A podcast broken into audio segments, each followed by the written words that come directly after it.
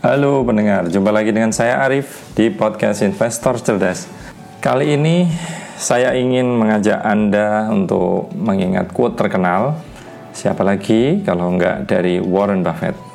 Quote ini Anda pasti mungkin juga pernah mendengarnya. Be greedy when others are fearful, be fearful when others are greedy. Jadilah serakah saat orang lain ketakutan, Jadilah takut saat orang lain serakah. Gitu ya terjemahnya. Nah, saudara, sekarang ini per pukul 2 2 lebih 10 siang saat saya rekaman podcast ini kita tahu pasar saham ini saya memantau di IDX di posisi 5900,306 5.900 saudara. Jadi kalau kalau dari harga terti, tertingginya IHSG ini sudah turun min 9,76% dari harga tertinggi di awal tahun Januari yang lalu. Gila ya. Min 9,6 min 9,767 Anda termasuk yang panik nggak?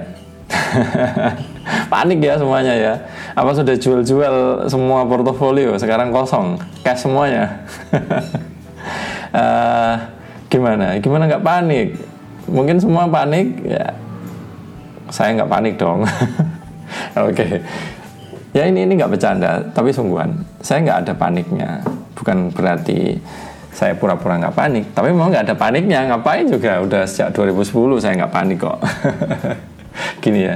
Sekarang bayangkan uh, lima hari berturut-turut sejak Kamis.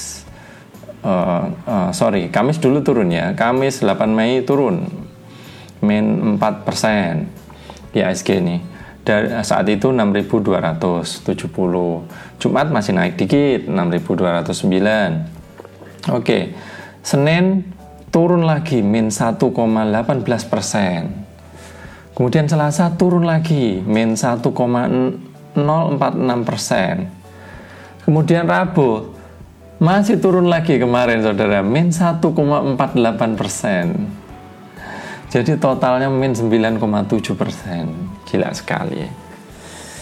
Mungkin saya kira portofolio investor sudah banyak yang kembali ke titik awal ini ya. Boleh saya boleh cerita, porto pribadi saya kalau diindekskan minusnya hanya min 3,94 persen. Boleh dong pamer value investor gitu loh, ya. Hanya min 0,3 eh sorry min 3,148 persen. Jadi ini per ditengok dari April ya, kalau ditengok dari dari awal tahun sih malah justru masih masih posisi naik kalau dari awal tahun. Oke. Okay. Anda minus, tentu mungkin khawatir ya. Nah sekarang sekarang, oke okay, saya nggak nggak bicara itu lagi. Sekarang kita kembali ke pertanyaan awal tadi dengan quote Warren Buffett itu. Gimana sih biar kita bisa serakah saat orang-orang lain panik? Atau gimana biar kita nggak nggak panik saat orang-orang lain serakah? Nah, Anda mungkin dengan penurunan ini Anda sudah penasaran ya, sudah mengulik membaca-baca berita. Anda mungkin sekarang modenya ini riset semuanya ini. Biasanya orang panik itu selalu riset. Padahal kalau value investor justru sebaliknya. Riset dulu sebelum take action kayak gitu. Nah, mungkin ada yang menduga, ada yang menghubung-hubungkan, mungkin ada narasumber di televisi atau di media bisnis yang berkata ini ini memang ada hubungannya dengan kasus terbaru yaitu perang dagang antara Amerika Serikat dan Cina di mana Presiden Trump Amerika baru baru uh, sekitar semingguan yang lalu ya membuat tweet yang menggagalkan segala upaya negosi, negosiasi antara Cina dan Amerika. Dengan mena- uh, jadi Amerika Trump menaikkan tarif hingga mencapai sekitar 25 persenan. Tentu efeknya besar, namun Apakah benar ini akan berefek langsung ke Indonesia? Nah, ada lagi kasus yang terbaru yaitu defisit neraca perdagangan per April ini. Nah, kalau Anda perhatikan, ini adalah April. Kejadian penurunan bursa ini baru terjadi awal Mei. Jadi sebenarnya nggak nggak terlalu berhubungan kalau menurut saya. Tetapi mungkin pasar atau reaksinya atau sentimennya ya bisa saja itu menyebabkan. Saya nggak memungkiri ini bisa terjadi karena aspek kekhawatiran market. Khawatirannya apa? Khawatirannya industri di Indonesia nanti terhambat oleh perang dagang ini, oleh uh, perbedaan tarif yang signifikan ini, sehingga sehingga dikhawatirkan perusahaan-perusahaan nanti karena kinerjanya turun, akhirnya sahamnya turun. Yang jelas ini ketakutan pasar lah, kayak gitu. Namun sekarang pertanyaannya kembali lagi kenapa kenapa kita nggak harus panik? Kenapa Buffett bisa mengajarkan seperti itu di saat seperti ini? Jadi saya rasa episode podcast ini sangat tepat karena ini adalah waktu yang yang sangat tepat untuk mengingatkan kita semua kembali ke filosofi dasar investasi ini. Banyak orang selalu bilang uh, quote ini saat marketnya justru naik sebenarnya nggak relevan, justru untuk menguji untuk menguji kekuatan mental Anda, untuk menguji psikologi Anda justru adalah di saat pasar sedang down seperti ini. Down 9, persen. Sangat fenomenal. Sekarang saudara, ada yang sering bilang atau saya juga pernah bilang kita investasi nilai atau value investing itu sendiri prinsipnya itu seperti membeli barang diskon. Kalau di diskon ya semua orang senang kan? Ya kan kayak gitu kan? Anda sendiri senang kalau ada mungkin anda mengincar sepatu atau mungkin anda mengincar baju mengincar perhiasan. Yang anda tahu nilainya X katakanlah seribu. Kemudian anda berkunjung di mall atau di toko langganan anda dan anda tahu ternyata di diskon 10% aja pasti anda udah senang anda mungkin akan buru-buru beli uh, barang itu kan kayak gitu sekarang masalahnya saat sedang saham sedang turun seperti ini. Apa benar banyak orang yang tertarik untuk beli? Saya kira jawabannya justru enggak. Karena psikologi market itu psikologi psikologi ketakutan. Saya rasa justru banyak yang malah malah enggak malah enggak tertarik, malah takut untuk bertransaksi. Macam-macam alasannya. Ada yang ada yang karena takut IHSG masih turun lagi. Sekarang sudah 5.900 bro. Kalau turun uh, eh, 5.500 turun 4 ribuan gimana? Kayak gitu. Nanti terjebak nggak bisa keluar lagi gimana? Ya, itu kenyataan. Banyak ketakutan dan saya kira ya memang wajar ketakutan itu. Cuman seperti dulu kalau anda mengikuti podcast podcast kami sebelumnya ya, saya kira nggak ada nggak ada orang yang bisa meramal kapan kapan e, pasar itu akan naik atau justru turun seperti yang terjadi selama seminggu terakhir ini. Siapa yang bisa menebak? Trump akan mentweet dan mengakibat, mengakibatkan kehebohan pasar di seluruh dunia seperti itu. Padahal negosiasi sudah berjalan lancar.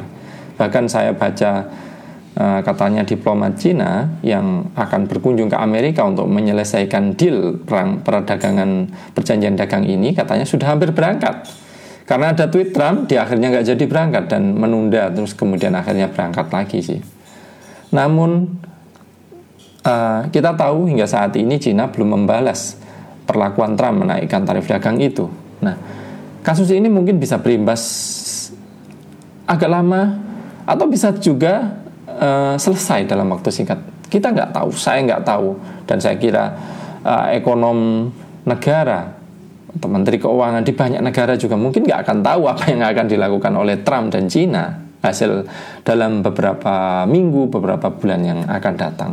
Barangkali bisa me menjawab atau menyelesaikan ketakutan. Atau justru bisa bagaimana sih uh, sesuai judul podcast ini gimana kita biar bisa serakah saat pasar ancur-ancuran seperti ini saudara? Hari ini saja sudah main 1,34 ya. Gimana caranya biar bisa serakah? Padahal nggak ada yang tahu nanti IHSG akan turun lebih lebih pesat atau atau naik bisa naik lagi nggak ada yang tahu. Izinkan saya mengingatkan Anda, kami di Bola Salju pernah membuat edukasi singkat tentang tema ini. Bisa dicek di YouTube Bola Salju ya, saudara. Kalau Anda ingin ingin mendengar versi videonya, YouTube-nya masih kurang bagus. Saya masih percobaan itu ya. Saya belum membuat episode episode YouTube yang terbaru lagi. Ini sudah terbit 6 bulan yang lalu. Silahkan dibuka judulnya Bagaimana biar tidak panik saat harga saham turun. Nah, mirip kan sekarang ini. 6 bulan yang lalu sudah terjadi, sekarang terjadi lagi. Ya memang gitu kerjaannya pasar saham itu. nah, di episode uh, video itu saya ungkap sekilas yang pertama, poin pertama yang harus kita ingat adalah saat Anda memiliki saham, Anda se sejatinya adalah memiliki perusahaan itu, memiliki secuil perusahaan itu. Apakah 0,0001 persen? Tidak masalah. Apakah 0,1 persen? Tidak masalah. Apakah 13 persen seperti Pak Lokeng Hong memiliki saham Petro? Nggak masalah. Prinsipnya, saat Anda membeli saham itu adalah Anda memiliki perusahaan itu. Nah, prinsip dasarnya kalau memiliki perusahaan, mau sahamnya turun 12%, no problemo. Mau sahamnya turun 3%, tidak masalah. Yang terjadi di perusahaan itu apa? Saham naik turun itu perusahaan itu nggak akan berubah, nggak akan berubah. Sebuah perusahaan yang menjual snack ke anak-anak di Indonesia. Ya mungkin kalau ISG seperti ini ancur-ancuran pun produknya masih lagu, anak-anak masih beli kecuali sekolah-sekolah lagi libur ya. Mungkin penjualan agak tertekan, tapi nanti sekolah sudah masuk lagi atau anak-anak nggak sekolah pun kegiatan di luar mereka masih minta saku orang tuanya masih beli jajanan nggak ada masalah semua produknya masih laku kayak gitu jadi jadi nggak relevan saham, pasar saham itu nggak ada hubungannya dengan kinerja perusahaan itu. Nah, kalau sudah tahu kayak gitu, kita lagi-lagi seperti yang sudah saya sajikan di video di YouTube, kita nggak relevan untuk berpikir tentang uh, kinerja di pasar saham.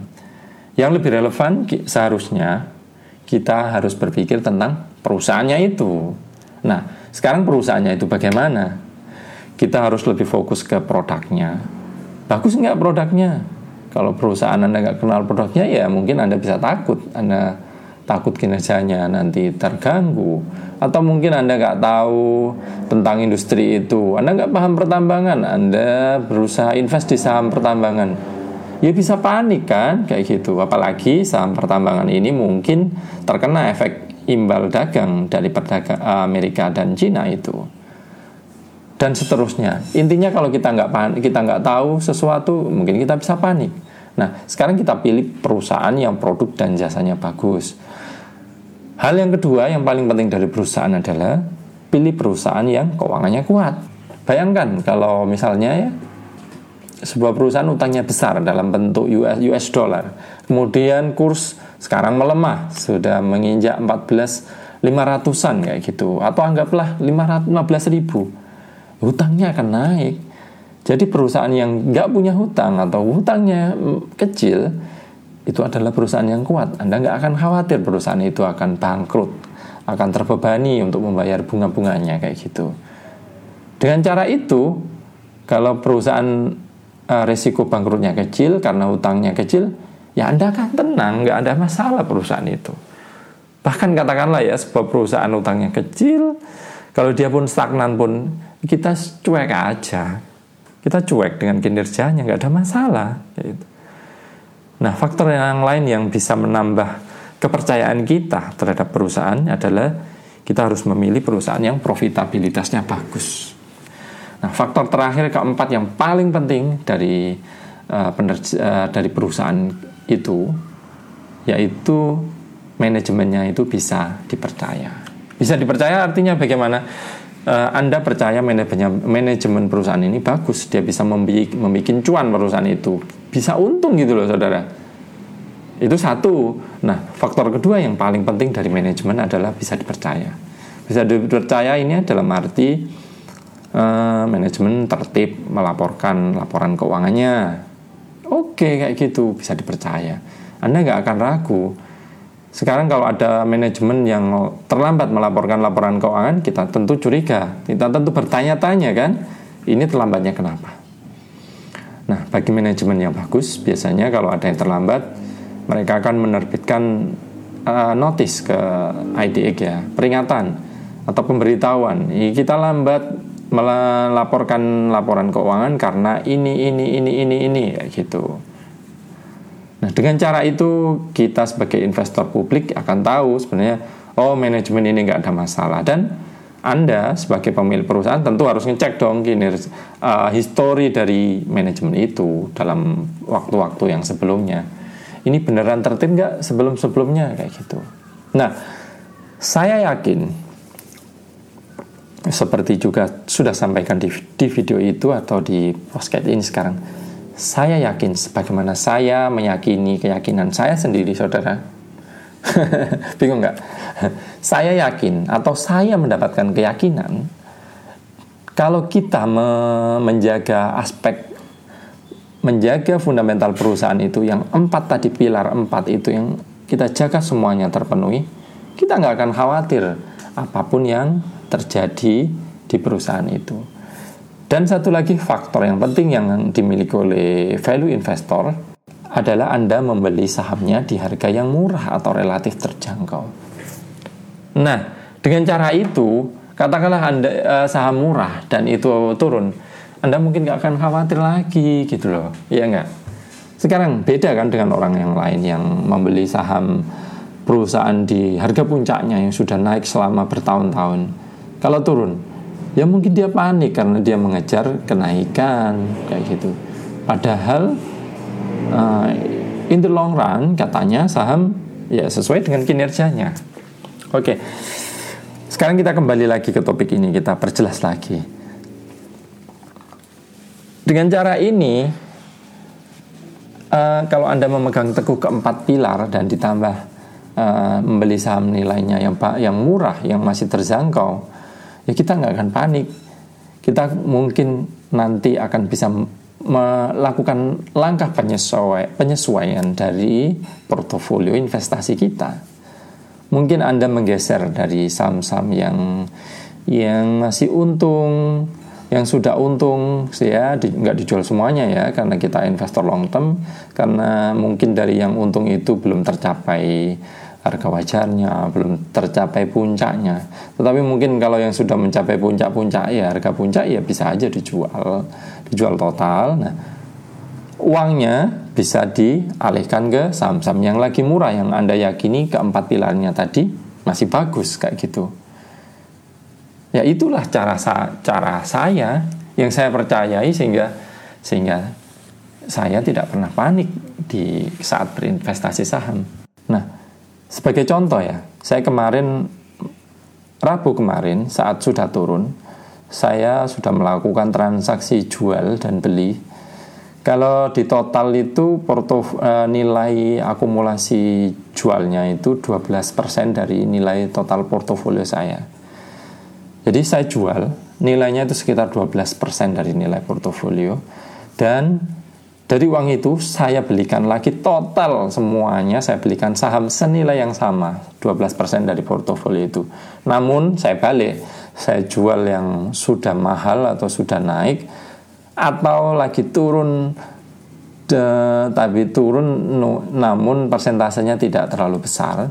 Saya belikan saham-saham yang turunnya jauh lebih banyak Nah, dengan cara itu saya berharap uh, saat pasar saham kembali membaik, kembali baik, investasi atau portofolio investasi saham saya bisa terapresiasi karena saya yakin nanti saham-saham itu akan akan naik sesuai kinerja pasarnya, sesuai kinerjanya masing-masing.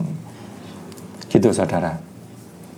Nah, itulah saya kira yang uh, tadi mungkin menjelaskan kenapa value investor atau investasi investor nilai itu mau apa pun pasar itu selalu untung.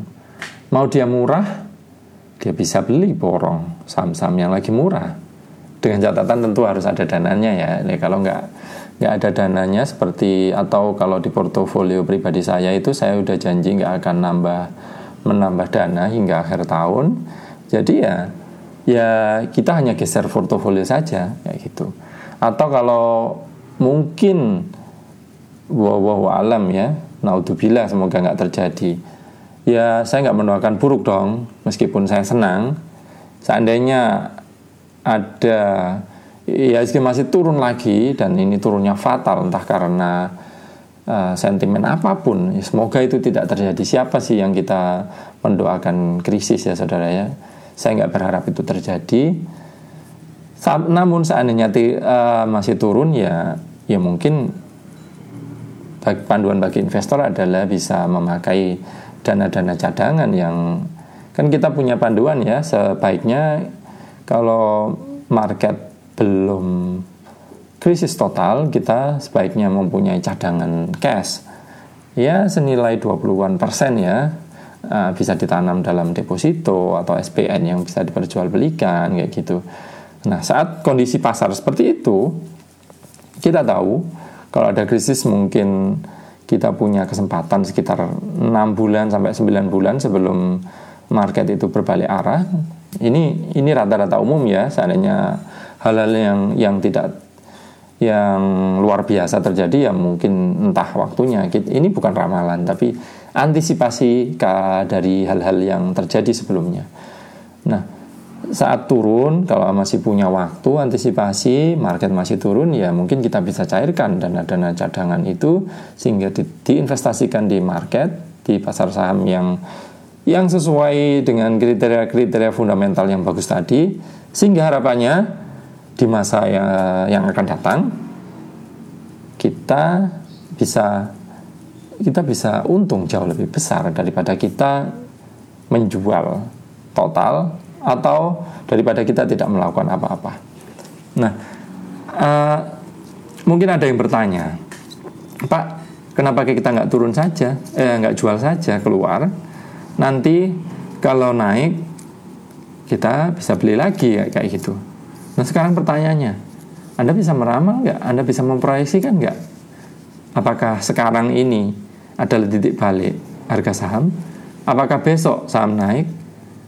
Apakah nanti kalau naik kemudian ada pertanyaan yang lanjutannya? Katakanlah ya sekarang ya IHSG di harga titik 5.900an kemudian saya beberapa hari kemudian IHSG naik. Katakanlah sudah menginjak harga 6 ribuan lagi. Apakah saat itu Anda berani masuk? Ya belum tentu Anda berani masuk. Kalau Anda psikologinya sudah uh, fear seperti tadi anda saya yakin nggak akan berani masuk ke saat ketika harganya sudah naik. Atau mungkin saat harganya naik dan untung sedikit Anda sudah buru-buru menjual lepas lagi.